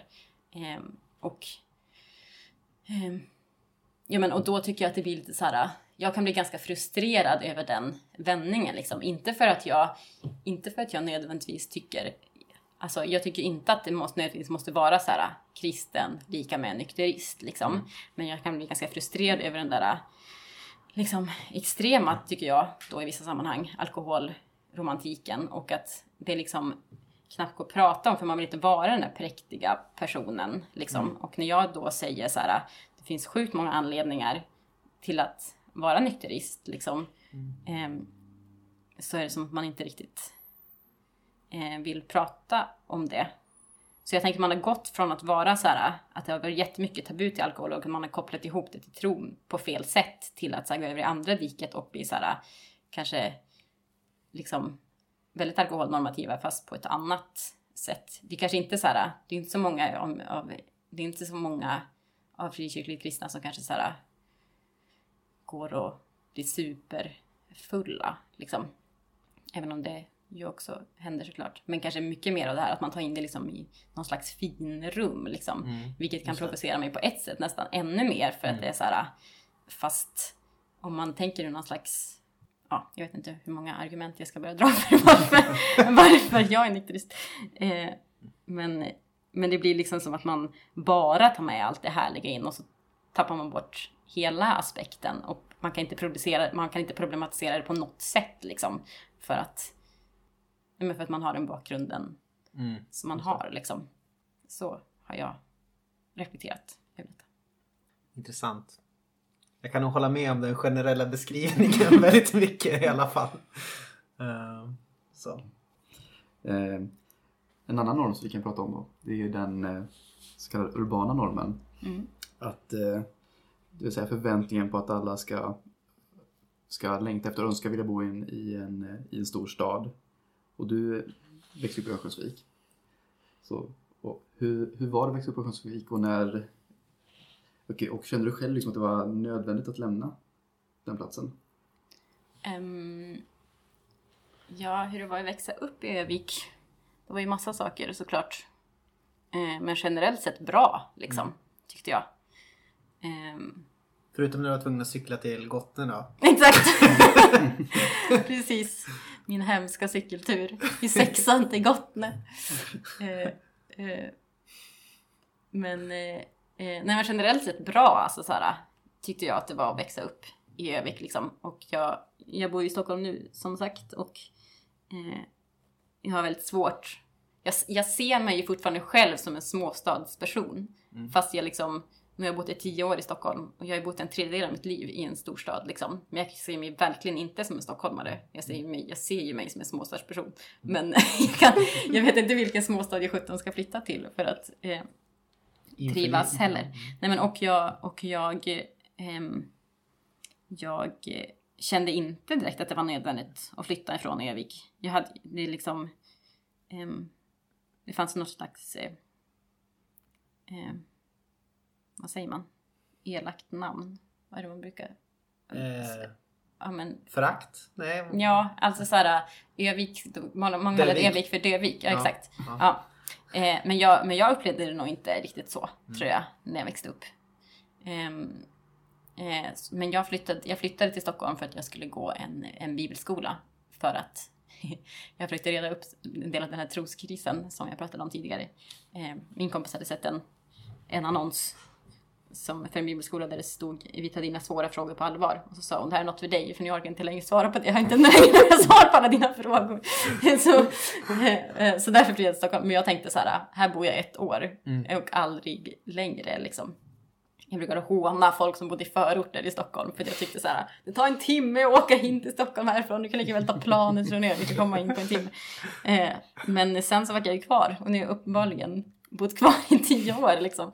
Eh, men, men sen är det också så här, jag har fortfarande, jag har liksom svårt att se mig i vissa småstäder också för att jag, alltså främst egentligen, nu bor jag i Stockholm för att eh, i princip alla mina vänner bor i Stockholm, även folk som är från Övik. Mm. Eh, jag har några få vänner kvar i Övik liksom, men de allra flesta har flyttat till Stockholm liksom. Jag har fått nya vänner där, jag har byggt mig ett sammanhang och så här, eh, det finns mer jobb i Stockholm. Eh, eh, och så vidare. Eh, men, men allt med storstaden tycker jag ju inte om. Och, och jag ser mig liksom inte i Stockholm för alltid liksom. Men jag vet inte annars vart jag ska bo. Heller, jag, uppskattar, jag uppskattar också mycket med Stockholm att det liksom är så här, det är väldigt mycket kultur, det är så väldigt mycket som händer och man kan liksom också så här, på gott och ont välja sitt liv på ett helt annat sätt. Liksom. Det finns så många sammanhang man kan välja att vara en del av liksom, eller inte vara en del av. Liksom. Eh, Medan din småstad eh, så finns det kanske färre valmöjligheter att välja sitt liv. Liksom. På gott och på ont. Det är också liksom. Mm. Ja. Det blir kanske lite konfrontativ fråga det här. Förklara varför du flyttade ifrån. Nej, jag hoppas att du uppfattar det så. Nej. I alla fall. Ja. Men jag tänker att det vore kul att skriva en sån bok. Typ Kyrkan och landsbygden. En Mm. antologi. Mm. Redaktör Lina Mattebo.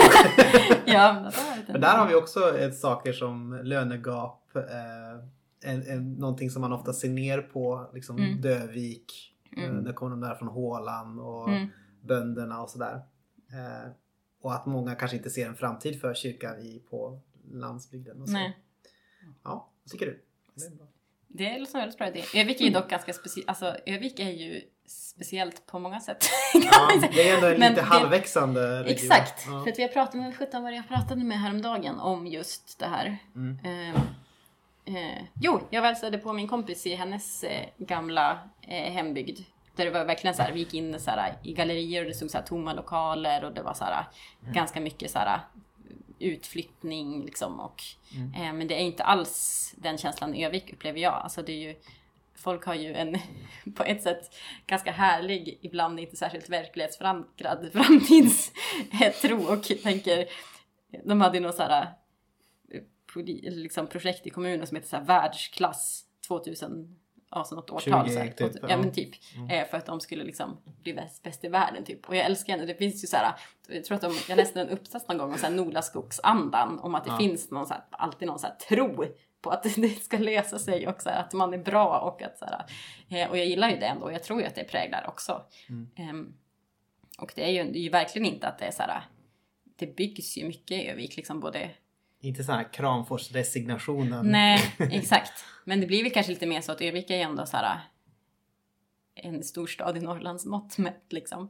Eh, så det kanske snarare är att liksom så här, Mm. ja men typ Kramfors, Härnösand med sådana orter mellan Mm. typ Sundsvall, Övik, Umeå. De kanske snarare urbefolkas mer och sen det blir väl någon slags urbanisering på mininivå där också. Att städerna kanske Mm. växer mer i Norrland men Och den är intressant de också om man tänker bara inom kommunen så. Mm. Så gjorde de någon sån liten kartläggning om var bor egentligen kommunpolitikerna och det var ingen som, var, nästan alla bodde i tätorten och den som var längst bort var i typ Bjästa kanske, eller. Västerhus eller något sånt där Just som är det. liksom väldigt nära Ja. Centrum. Och jag är ju också, alltså jag är ju inte uppväxt på landet. Nej. Liksom. Så jag ska inte, jag ska inte prata för någon slags eh, landet bor i liksom. Jag är uppväxt i princip mitt inne i Övik liksom. Nej precis. Mm. Det, så det, det, positiva där i Övik kanske också har ett pris för att man du gör den här mini-urbaniseringen som Mm. vi just pratade om då. Att man typ Ja, då ska vi inte ha någon, någonting kvar här för att den här stadskärnan ska framstå Ja. som attraktiv. Jag har liksom ingen, jag har ingen koll på lokalpolitiken i Övik längre så jag vet inte om det är så Nej. eller inte. Men, men, men jag upplever ju inte att det är så här en deppig stämning i Övik. Liksom. Ehm, och sen också så här med kyrkan och landsbygden så Övik är ju, de brukar ju säga att ehm, att Övik är Norrlands Jönköping typ. Alltså det finns Mm. ju hur många kyrkor som helst liksom. Mm. Eh, så det är liksom det är ju också ganska levande kyrkor i Övik också. Så det är inte heller riktigt res, res, vad heter det? representabelt Mm. eh, för mindre städer kanske. Mm. Om nu Övik räknas som en mindre stad. An- anledningen att det här lite smygs in här är eller det är ju sånt som, det här brukar jag ju Anton prata om mycket om annars också. Om, Mm. om eh, urbanisering och landsbygd och sånt där och det Mm. blossar upp igen nu med den här nya SVT-serien se med resten av. Sverige Mm. och på Tidholm där. Mm. Och har suttit varsitt håll och berättigats och skickat sms. Mycket, mycket aggressiva tongångar ett tag. Ja, bara Mm. decent, decentralisera allt. Mm. Då det dags att runda av det här då med våra två standardfrågor som vi alltid avslutar med. Eh, och den första är som lyder. Vem är Jesus Kristus? Eh, Den enkla frågan. Eh, eh, ja men så här, det korta, det korta liksom eh, supersammanfattande svaret skulle jag ändå säga att Jesus är Guds son. Eh, men det säger ju inte jättemycket i en sån här vardagstro som vi pratade om nyss. Eh, eh, mitt mitt eh, allra mesta favoritbibelord är eh, det som står efter kärlekens lov. Eh, står så här. Eh, nu ser vi bara en gåtfull spegelbild men då ska vi se ansikte mot ansikte. Ehm, så tänker jag mycket med Gud. Ehm, och så här, Per Lagerkvist, ehm, vem är du som uppfyller hela världen med din frånvaro?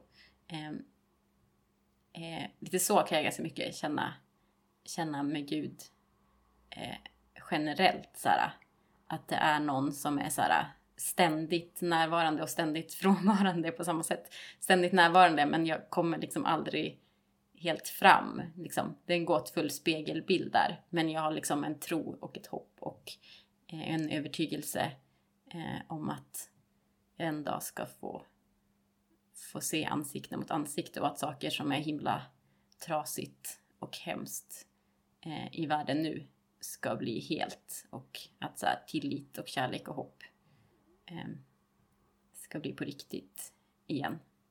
Eh, och sen eh, så tänker jag också ju att Jesus hjälper mig att se Gud på ett mer liksom konkret sätt. Ehm, se hur liksom det är ju så här en sjuk tanke men också en, en själva grejen med kristendomen ju att, ge- att Gud blev människa liksom. Och det är ju en himla sjuk grej att man bara sitter och läser om någon mellanösternman som gick omkring och gjorde, gjorde grejer och, eh, och att det var Gud. Ja, det är ju häftigt och hoppfullt och sjukt på samma sätt, på samma gång liksom.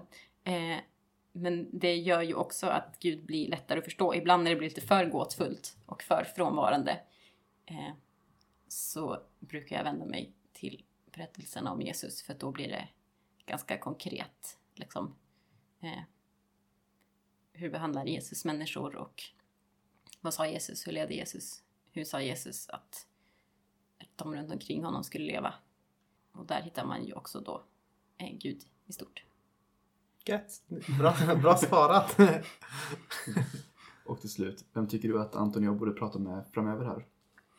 Eh, jag har ju då filurat ut några Bra. Antecknar. anteckningar. Men dels, nu bor ju Johanna som har skrivit det här kapitlet Mm. som jag pratar om feminism i kyrkan. Eh, hon, eh, bor till, hon bor i New York eh, och jobbar som bokscout. Scout. men hon är generellt sett väldigt eh, briljant och väldigt smart. Ehm, och eh, har mycket alltid mycket vettigt och spännande att säga och kanske speciellt kopplat sig så här litteratur eh, och tro.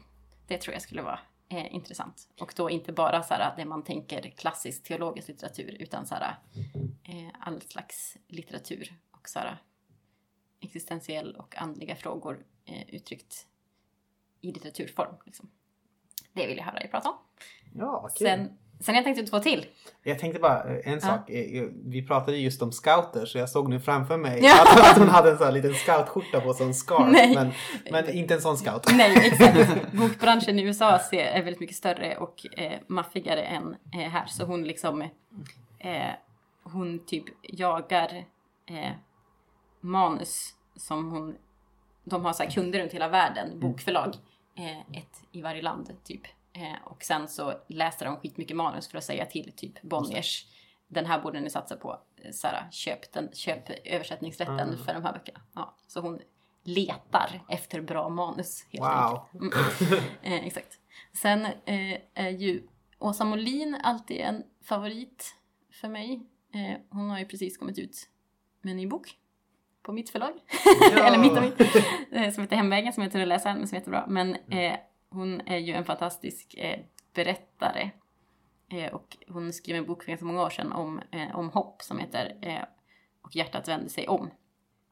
Och jag funderar ganska mycket på hopp just nu. När världen ser ut som det gör, eller snarare vi får reda mycket på att världen ser ut som den gör. Och så här, hur kan man behålla hoppet, både som liksom individ och som kyrka och som samhälle och värld och vad gör det om vi tappar det och så. Eh, och det är en av mina favoritböcker som jag återkommer till ofta. Eh, så henne kan ni prata om med. Sen tycker jag också att Maria Kirchen ofta har mycket spännande saker att säga om så här, samhälls... Eh, eh, samhällsutveckling och så här, hur samhället ser ut idag och mycket kopplat till så här, främlingsfientlighet och rasism och eh, kyrka och politik. Typ. Så de, de tre rekommenderar jag er att prata med. Bra. Mm.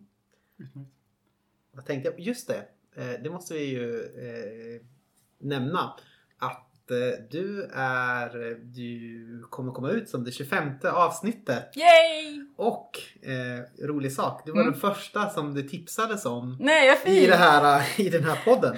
Så det, det känns ju som ett litet... Eh, Cirkelns slut. Ett, ett cirkelns slut. Och där till 25 fortsätter avsnitt. kanske. För Ja. det tar inte slut efter det 25 hoppas jag. Precis, men det, det känns lite passande att det är på ett jämnt nu, Vi får Ja. Och, Och här eh, den dröjer. Ja, precis. Vad fint. Ja. Mm. Ja, men eh, tack då. Tack själv. Eh, ja. Kan man säga något mer? Nej, det, jag, vet inte. jag är så dålig på att avsluta saker. Ett sista ord Anton. Gurka.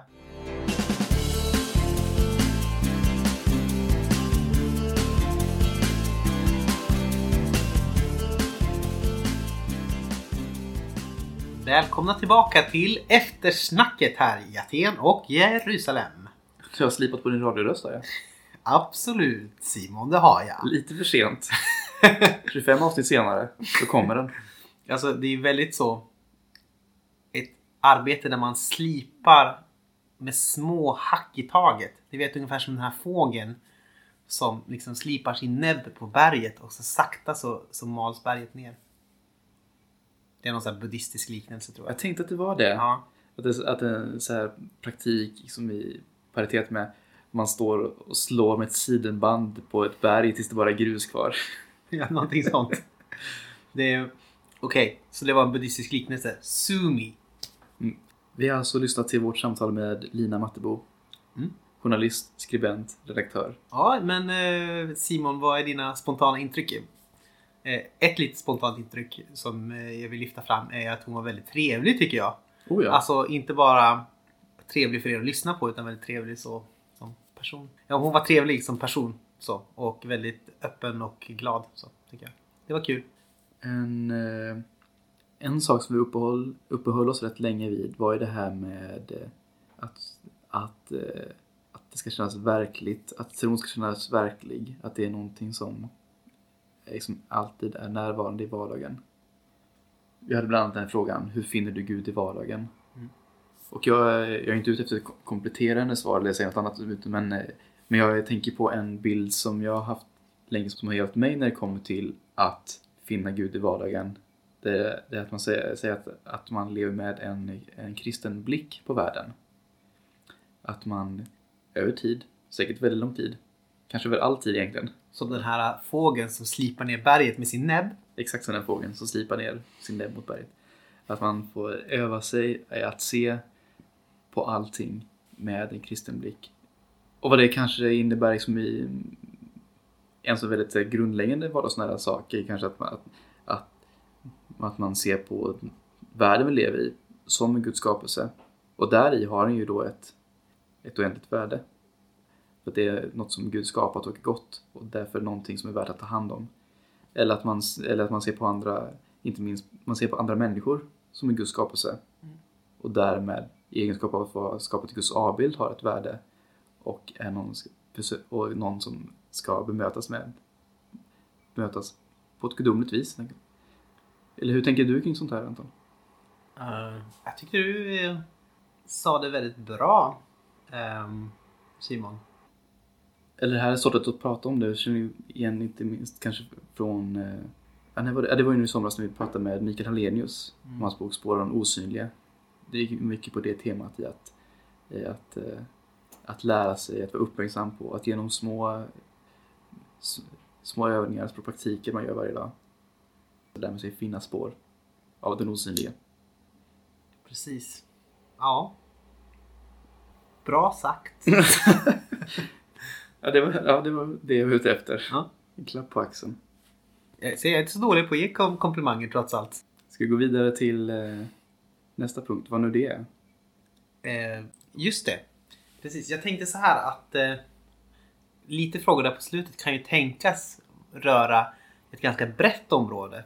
Från till exempel feminism till landsbygd och lite alkohol däremellan. Eh, och det är tänkt som en sorts eh, norm. Att normer och kritik av normer är en sorts röd tråd därigenom. Så till exempel att mannen är det normala är ju en då. Att dricka alkohol mycket och sådär anses vara det normala. Och till slut att, eh, att bo i en stor stad med ett stort utbud är det normala. Mm. Så det tänker vi är lite den, det var ni- min som huvudsaklig frågeställare där, min, min tanke på en röd tråd där. Precis. Och det... Ja. Och just det här med, med feminism har vi tagit upp några gånger Mm. tidigare och sådär.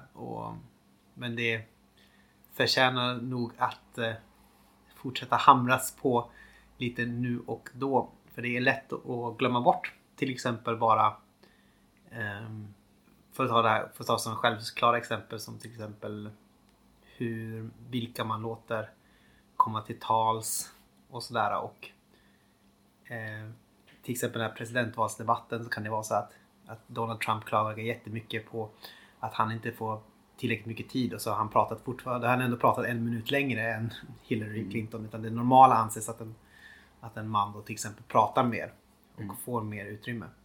Så det är ett sånt, ett sånt ganska enkelt exempel på vad det skulle kunna innebära och det är liksom därför det liksom kan förtjänas att hamras lite på den Ja. spiken ibland. Jag tänker på en sån sak när jag kommer till när jag kommer till jämställdhet i olika grupper. Till exempel äldstekåren var en sak som Ja. Lina tog upp. Och, eh, för, för det ju liksom visserligen vara en sak och en bra sak att man, eh, man säger nej men eh, den här gemenskapen står öppen. Liksom, det, det är klart vi välkomnar alla män som kvinnor eller vad som helst. Men, men att, att säga det, det är en sak. Men att faktiskt skapa en miljö där det faktiskt känns välkommet är en helt annan. Mm. Så man kanske... Man har bara kommit till den punkten att man säger liksom att ja, vi står upp, det är öppet för alla. Men, eh, Mm. eh, men eh, att faktiskt eh, aktivt vara med och skapa den här miljön där det faktiskt känns så Mm. och blir så är en annan. En annan femma. Och där kan jag tänka att, att eh, det här att det är enklare i en landsbygdsförsamling på ett sätt än vad jag upplevt det i storstadsförsamlingar. Till exempel i, vi sitter nära Philadelphia-kyrkan. Och där har det ju bara varit manliga föreståndare hela vägen igenom. Men vi har haft, eh, i min församling där jag var med, där hade vi eh, som barn då, där hade vi eh, där jag växte upp med bara kvinnliga pastorer och föreståndare. Så. Och det var ju då för att det var en liten församling då. Eh, på det sättet. Och det var ganska så självklart också att det fanns att liksom kvinnligt eller ledarskap från kvinnor var eh, ganska självklart. Äldstekåren, det, det var den äldste var liksom kvinna och det var, de satt med liksom i, i, i styrelsen. Eh, så det var liksom inget konstigt med det. För att det kanske inte fanns så många att tillgå och så. så då var, för då var man tvungen att liksom lyfta fram alla som kan och vill och liksom hjälpa alla att, att hitta sin roll och, och liksom hjälpa dem och, och finnas där de ska vara. Men däremot i en stor församling som Filla då till exempel kan det vara svårare för att om man har jättemycket att välja på då tenderar man att falla tillbaka till eh, normen då. Så. Apropå storstaden och dess utbud. Det för oss in på en annan punkt. Så kanske, jag vet inte, kanske känns lite skohornad in. Men vi pratar ändå om den urbana normen. Mhm. Som sagt, det här är ju någonting som eh, funnits nära både dig och mig Anton tidigare. Men också, ja, inte, kan blossas det upp en aning nu på sistone. Vi börjar prata ännu lite mer om det. Om, Mm. om land mot stad och Mm. den urbana normen. Och det jag tänker att att där är ju någonting som är ganska osynliggjort på ett sätt. Alltså det finns ju många som lyfter fram till exempel no, att manlighet är någonting som anses normerande och sådär. Och det anses, det är ganska common place på något sätt att det är så. Eh, men däremot är det kanske inte så många som lyfter fram just det här att det faktiskt finns ett visst eh, ganska rejält eh, marginaliserande av människor som bor på landsbygden. Till exempel förväntas man i väldigt hög utgrad att organisera sin egen välfärd. Det är ingenting som staten eller kommunen för, egentligen backar upp särskilt mycket på. Det finns en ganska stor lönegap för samma jobb. Om man bor på landet så tjänar man mindre än om man bor i Stockholm. Det är ju också dyrare levnadsomkostnader såklart i Stockholm, men hur som helst. Eh, man, man tjänar liksom mindre för samma jobb. Eh, det finns också ett ganska ofta ganska nedsättande idéer om de som bor på landet. Att de är liksom lite efter, lite efterblivna. Särskilt de som stannar kvar som har vuxit upp där. De är lite så här, de har inte kommit iväg, de har inte sett världen. De är lite, de är lite efter, så här, lite bonniga och sådär. De bor i en håla. Så man använder så här djurmetaforer för att beskriva hur det är att bo på landet och så. Eh, och det är ju intressant att det är någonting som nästan aldrig lyfts fram i den publika diskursen. Och där har vi ju också, tänker jag, att det beror på till stor del att man har någonting att vinna på att marginalisera landsbygden. För vad finns på landet? Jo, där finns eh, eh resurserna. Men vilka är det som äger eh, resurserna och tillgångarna? De bor inte på landet. Alltså de som bor där har inte kontroll över produktionsmedlen. Utan de som äger produktionsmedlen bor i, i städerna. Mm. Och därför så tjänar man på att, att säga att liksom marginalisera landet på något sätt. Att säga att här borde bara, här händer ingenting viktigt. Så man kan osynliggöra det, att man kanske tar tillgångarna från de här platserna och att man tar pengarna som genereras av detta och för dem någon annanstans än från de som faktiskt producerar och de som faktiskt eh, eh, eh, bor där sakerna tas ifrån. Så det är min... Det, det är kanske därför som det är viktigt att den här, det här osynliggörs. Jag vet inte, vad tror du? Ja, jo, men då tror jag det är så. Det är ju frustrerande att se hur det blivit så. För det var ett skifte och det gick väldigt fort också. Mm. Liksom att helt plötsligt man har hela samhällen som bara står halvtomma. Mm. Ja, det är lite frustrerande i egenskap av en som växte upp på landsbygden och trivs väldigt bra där mina första 20-22 år i livet. Eh, men känns lite, ja men på sätt och vis, lite, lite tvingad ut. För att, eh, ja, det som hade hänt var att eh, plötsligt så hade vänner runt omkring flyttat ut och det, som, det fanns inte så mycket möjligheter kvar. Och, eh, nej, men det var verkligen som att, eh, att eh, allt skedde någon annanstans. Så därför hade vi vet tänkt, det blir bara för deppigt där. så därför hade vi tänkt att eh, uppmana till eh, lite revolution. Ja. Nej men eh, och därför så, så händer det lite nu och då i våran podd att vi försöker slå ett slag för landet. Mm. Till exempel så har vi ju i Hela landet ska leva! Hela landet ska leva! Till exempel har vi ju eh, en lång Jokkmokks-diskussion tillsammans med våran vän Emanuel Strand avsnitt 12 tror jag att det är. Så kan det vara. Ja, alltså ni, ja, ni får ta lite för, det här för vad det är. Det vill säga två stycken killar som har ändå lämnat landsbygden och åtnjuter det som staden erbjuder. Och känner som offer av omständigheterna. Men eh, det är inte mindre sant för det. Jag bor faktiskt i Finneröja, vill jag bara påpeka, även om jag åtnjuter en del av stadens lyx och flärd. Eh, Så är det förstås. och, men också, it's a totalizing system. Man kan inte fly undan från det. Och med de orden så avrundar vi oktober månads avsnitt av Aten Jerusalem. Fint att ni fortfarande är med oss. Följ oss gärna på Twitter, gilla oss på Facebook, skriv ett brev, skicka ett mail. Vi vill gärna höra från er. Ni kan också följa oss på Podbean om man är riktigt elit. Precis, det kan ni ta och göra. Ehm, Tills dess, frid och fred. Fröjd.